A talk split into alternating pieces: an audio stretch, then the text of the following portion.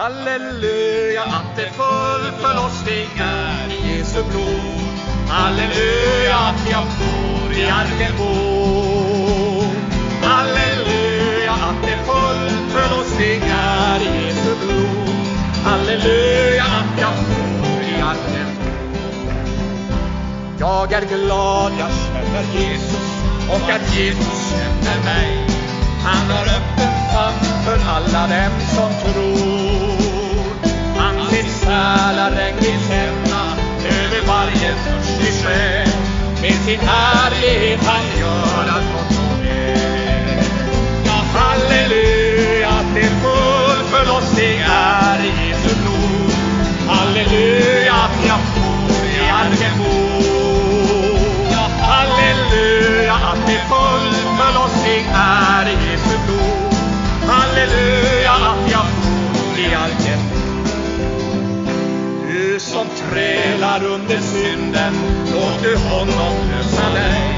ifrån alla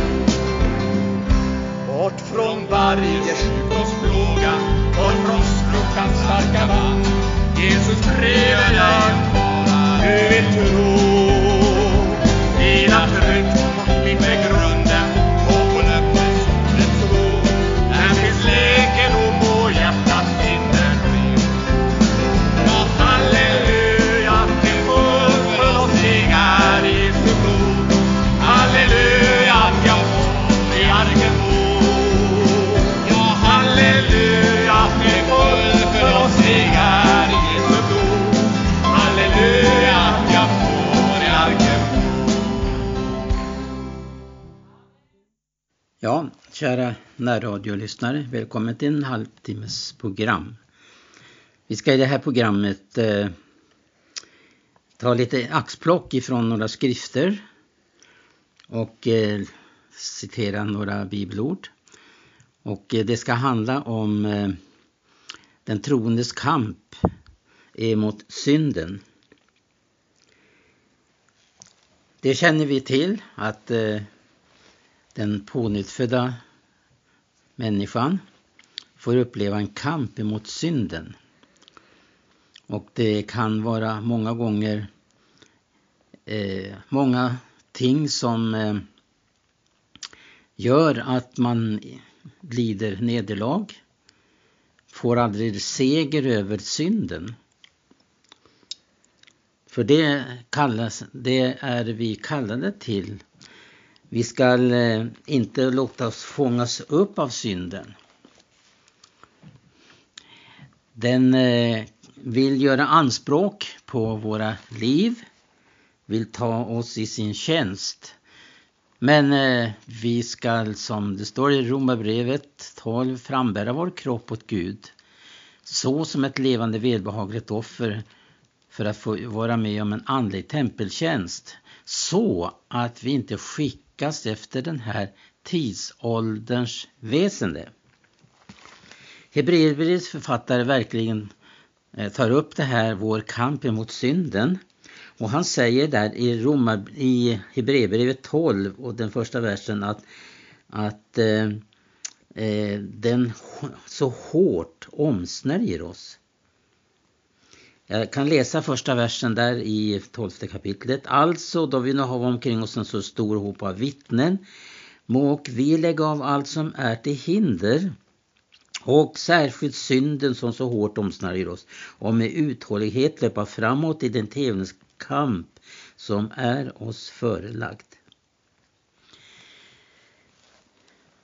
Det här talar om att eh, synden den är inte där borta, den omsnärjer oss på många olika sätt. Men Paulus också får erfara då han eh, eh får vara med om att han lider svårt med detta, med syndakroppen. Eh, därför att eh, i hans lemmar fanns någonting som ville synden. Men den pånyttfödda människan upplever ju från den stund hon har blivit född på nytt att hon avskyr synden och vill inte leva i den. Förut så trivdes hon i den. Men när man blir delaktig av gudomlig natur, blir en ny skapelse, då avskyr man synden. Men man kan också få uppleva det här att man får inte den seger som Bibeln utlovar över, eh, att vinna seger över synden. Då är det väldigt viktigt att det, det får ske en, en sådan undervisning som leder fram till en frigörelse. Det är ju väldigt viktigt med detta att eh, få erfara eh, trons möjligheter till att bli övervinnare. Eh, vi ska läsa ifrån en bok som eh, eh talar om en situation och det är eh, en av Vårs Maries böcker som heter Övervinnande liv. Hur han får hjälpa en som inte hade seger över sitt rökbegär. Det kan vara andra ting som den troende människan eh, lider nederlag för. Hon får inte seger över någonting i sitt liv. Någonting som inte behagar Gud. Och hon försöker och försöker och eh, får aldrig uppleva att eh, eh, vad Bibeln lär om vägen till full frigörelse. Det finns flera saker här som är avgörande för att få seger över synden. För det första är det eh, att det blir uppenbarat att man står inte längre under lagen. För det är ju så här att syndens makt kommer genom lagen. Och den som inte har insikt i detta om befrielsen ifrån lagen och Gud frälsar inte oss genom att eh, Eh, vi genom lagens hjälp ska vinna seger över synden. Det är utsiktslöst. finns inget mera hopplösare eh, försök. Därför måste man uppleva fullständig frigörelse från eh, lagen. Att det genom tron tillägnar sig just detta att Jesus har fullbordat lagen för lagen har inte längre någonting att säga till om. Och för att det är ju som jag nyss nämnde att det är genom lagen vi får uppleva syndens makt. Men ära vare Gud så sände han sin son för att ställa den lagen för att friköpa oss. Så lagen har inget längre och därför är det väldigt viktigt att om man inte har det här klart för sig så eh, kan man leva under lagen fast man inte är helt medveten om det. Men man försöker liksom hjälpa Gud. Och man lever då alltså under ett tvång. Därför att eh, det, det, handlar om att jag avstår från synden därför att jag vill inte bedröva den helige Ande. Jag vill inte bedröva Fadern, Sonen med synd. Och därför har Gud lagt det så att det är genom kärlek till honom som gör att vi eh, lever eh, i full frigörelse. Vi, är, vi, vi vill inte bedröva honom med synd längre. Men det är som sagt var väldigt viktigt att man har klart för sig frigörelse från lagen och att eh, man upplever vad korset betyder. Att korset det är någonting som eh, har tagit tur med det som eh, synden appellerar till. Därför att har man inte upplevt korsets hemlighet så får man heller inte uppleva eh, den andra sidan av korset som handlar om uppståndelsekraften. Men nu ska vi läsa hur en någon som hade just den här kampen att eh, och inte vann seger över detta. Jag ska be Gertrud som är med här i det här programmet, alltså min fru Gertrud Johansson och hon ska läsa ett stycke ur det här övervinnande liv. Hur någon som har försökt och försökt men inte kunnat vinna seger över rökbegäret. Ja, det står så här. Bröder och systrar, upplever ni att ni har problem? Känner ni att ni har brister? Ni måste förstå att era problem och brister är välsignelser. Det är därför att hjälpa er att övervinna. Jag mötte en gång en doktor i Chefaux som hade varit frälst i tre, fyra år.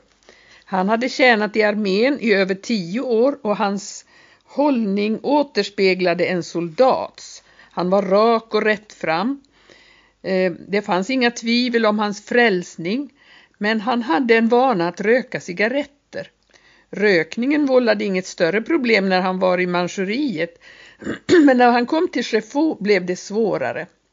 Församlingen bestod av 70-80 personer och Chefaux var en liten plats. Den enda plats där han kunde röka var i hemmet, men inte ens hemma vågade han röka öppet för hans fru tillhörde församlingen.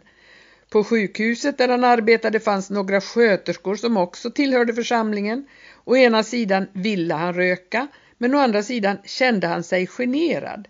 När han hörde någon närma sig medan han rökte måste han skyndsamt släcka cigaretten.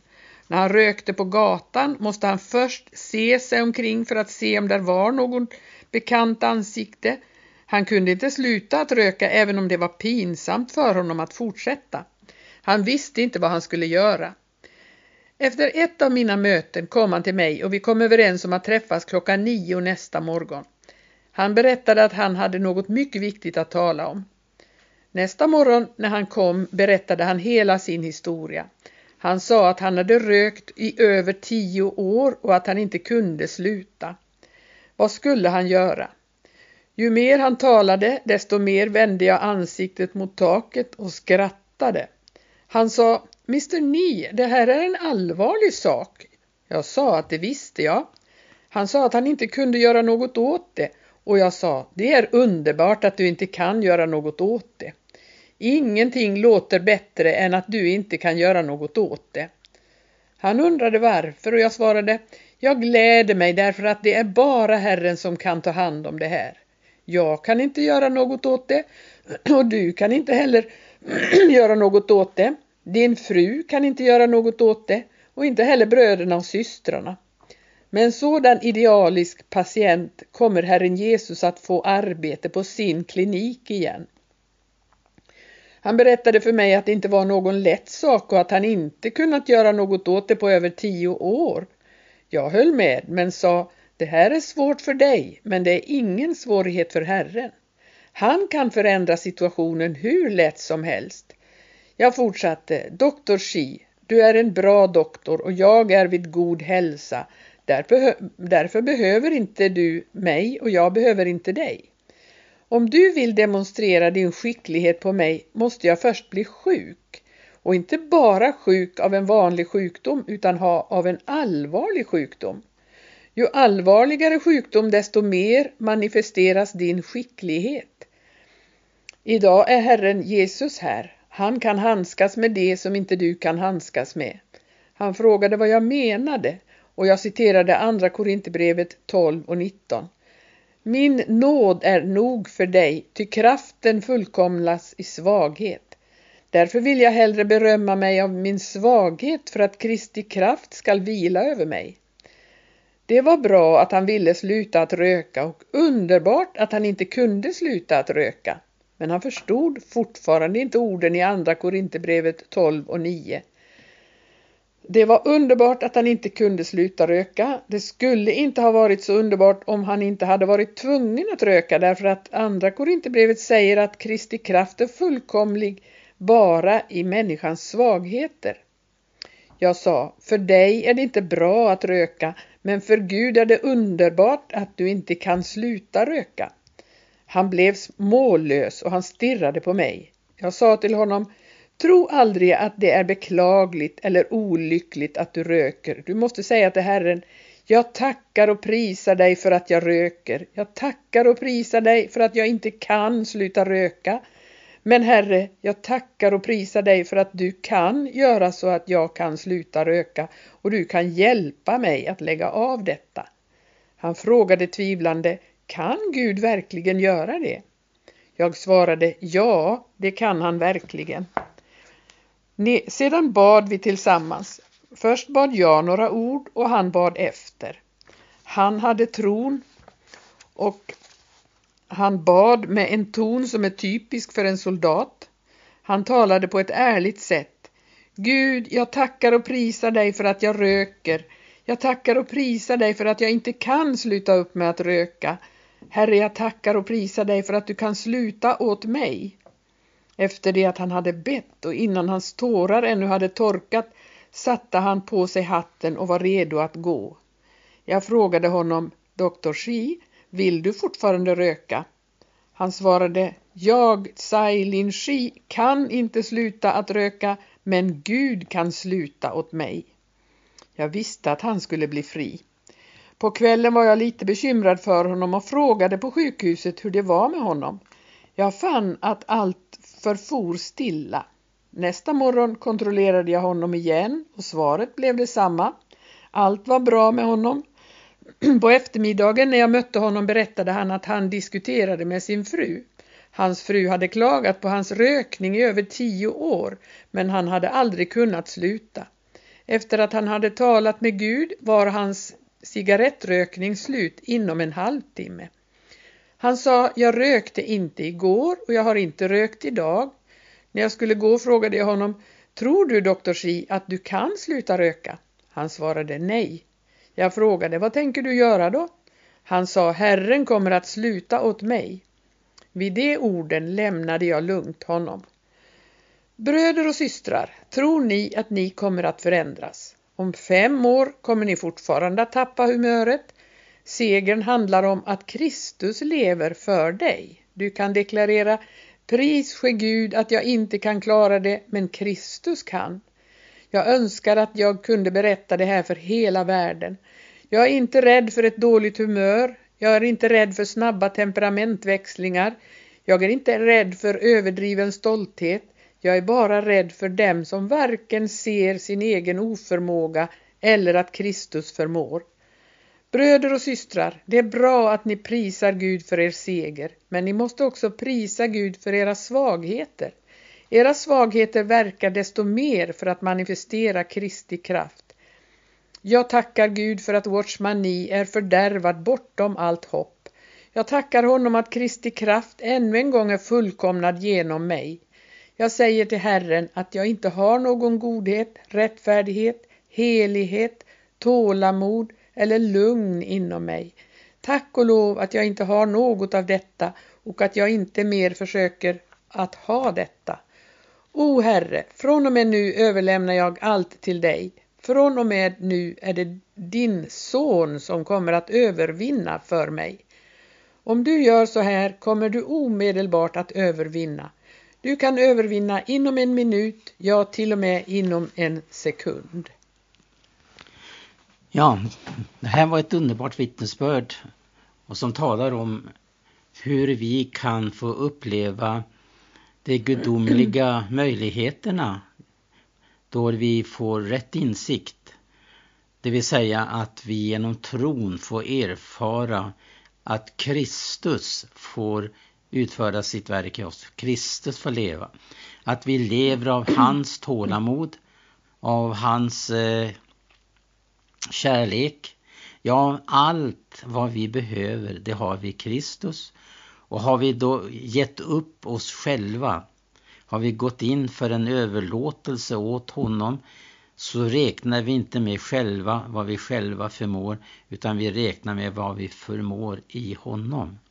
Paulus säger ju det att eh, allt förmår jag i honom som giver mig kraft. Men kraften kommer inte på så sätt att den skall eh, eh, eh vad ska jag säga eh, ge någonting utöver vad vi förmår.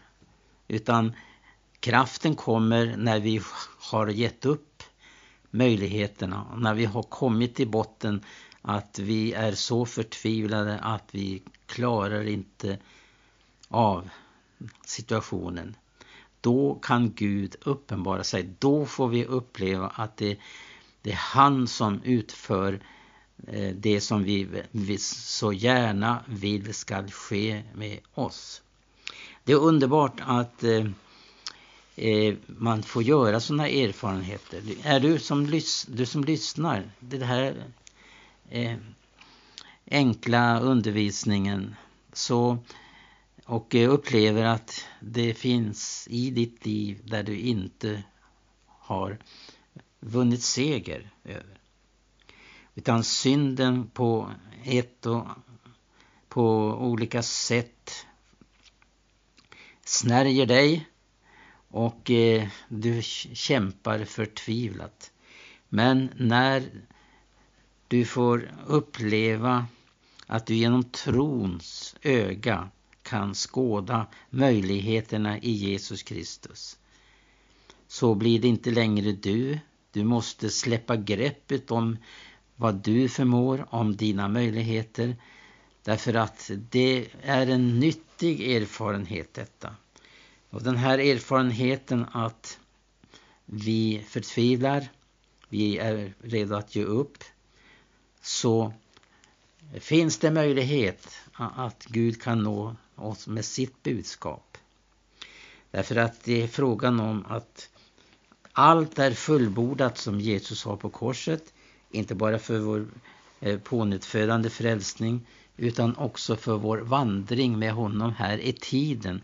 Att gå segrande fram. Som psalmisten säger att vi får uppleva att gå ifrån kraft till kraft, ifrån seger till seger.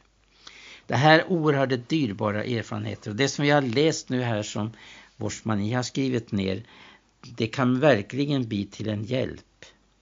Då vi ser att eh, eh, då man får en rätt insikt i vad tron kan uträtta så kan man få uppleva fullständig seger.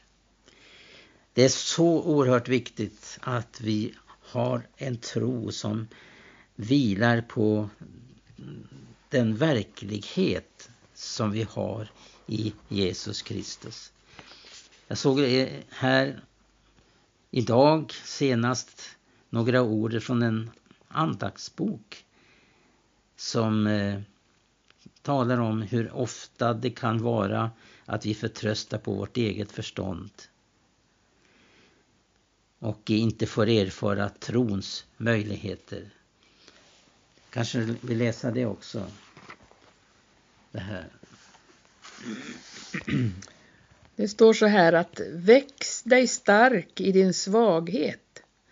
En del av mina barn har fått gåvan av stor styrka och uthållighet. Andra som du har fått gåvan att vara skör. Din skörhet är inte ett straff inte heller är den ett tecken på svag tro. Tvärtom måste svaga leva genom tro och förtrösta på mig för att klara av dagen. Jag utvecklar din förmåga att lita på mig istället för på ditt förstånd. Du vill gärna planera hela din dag och veta vad som ska hända och när.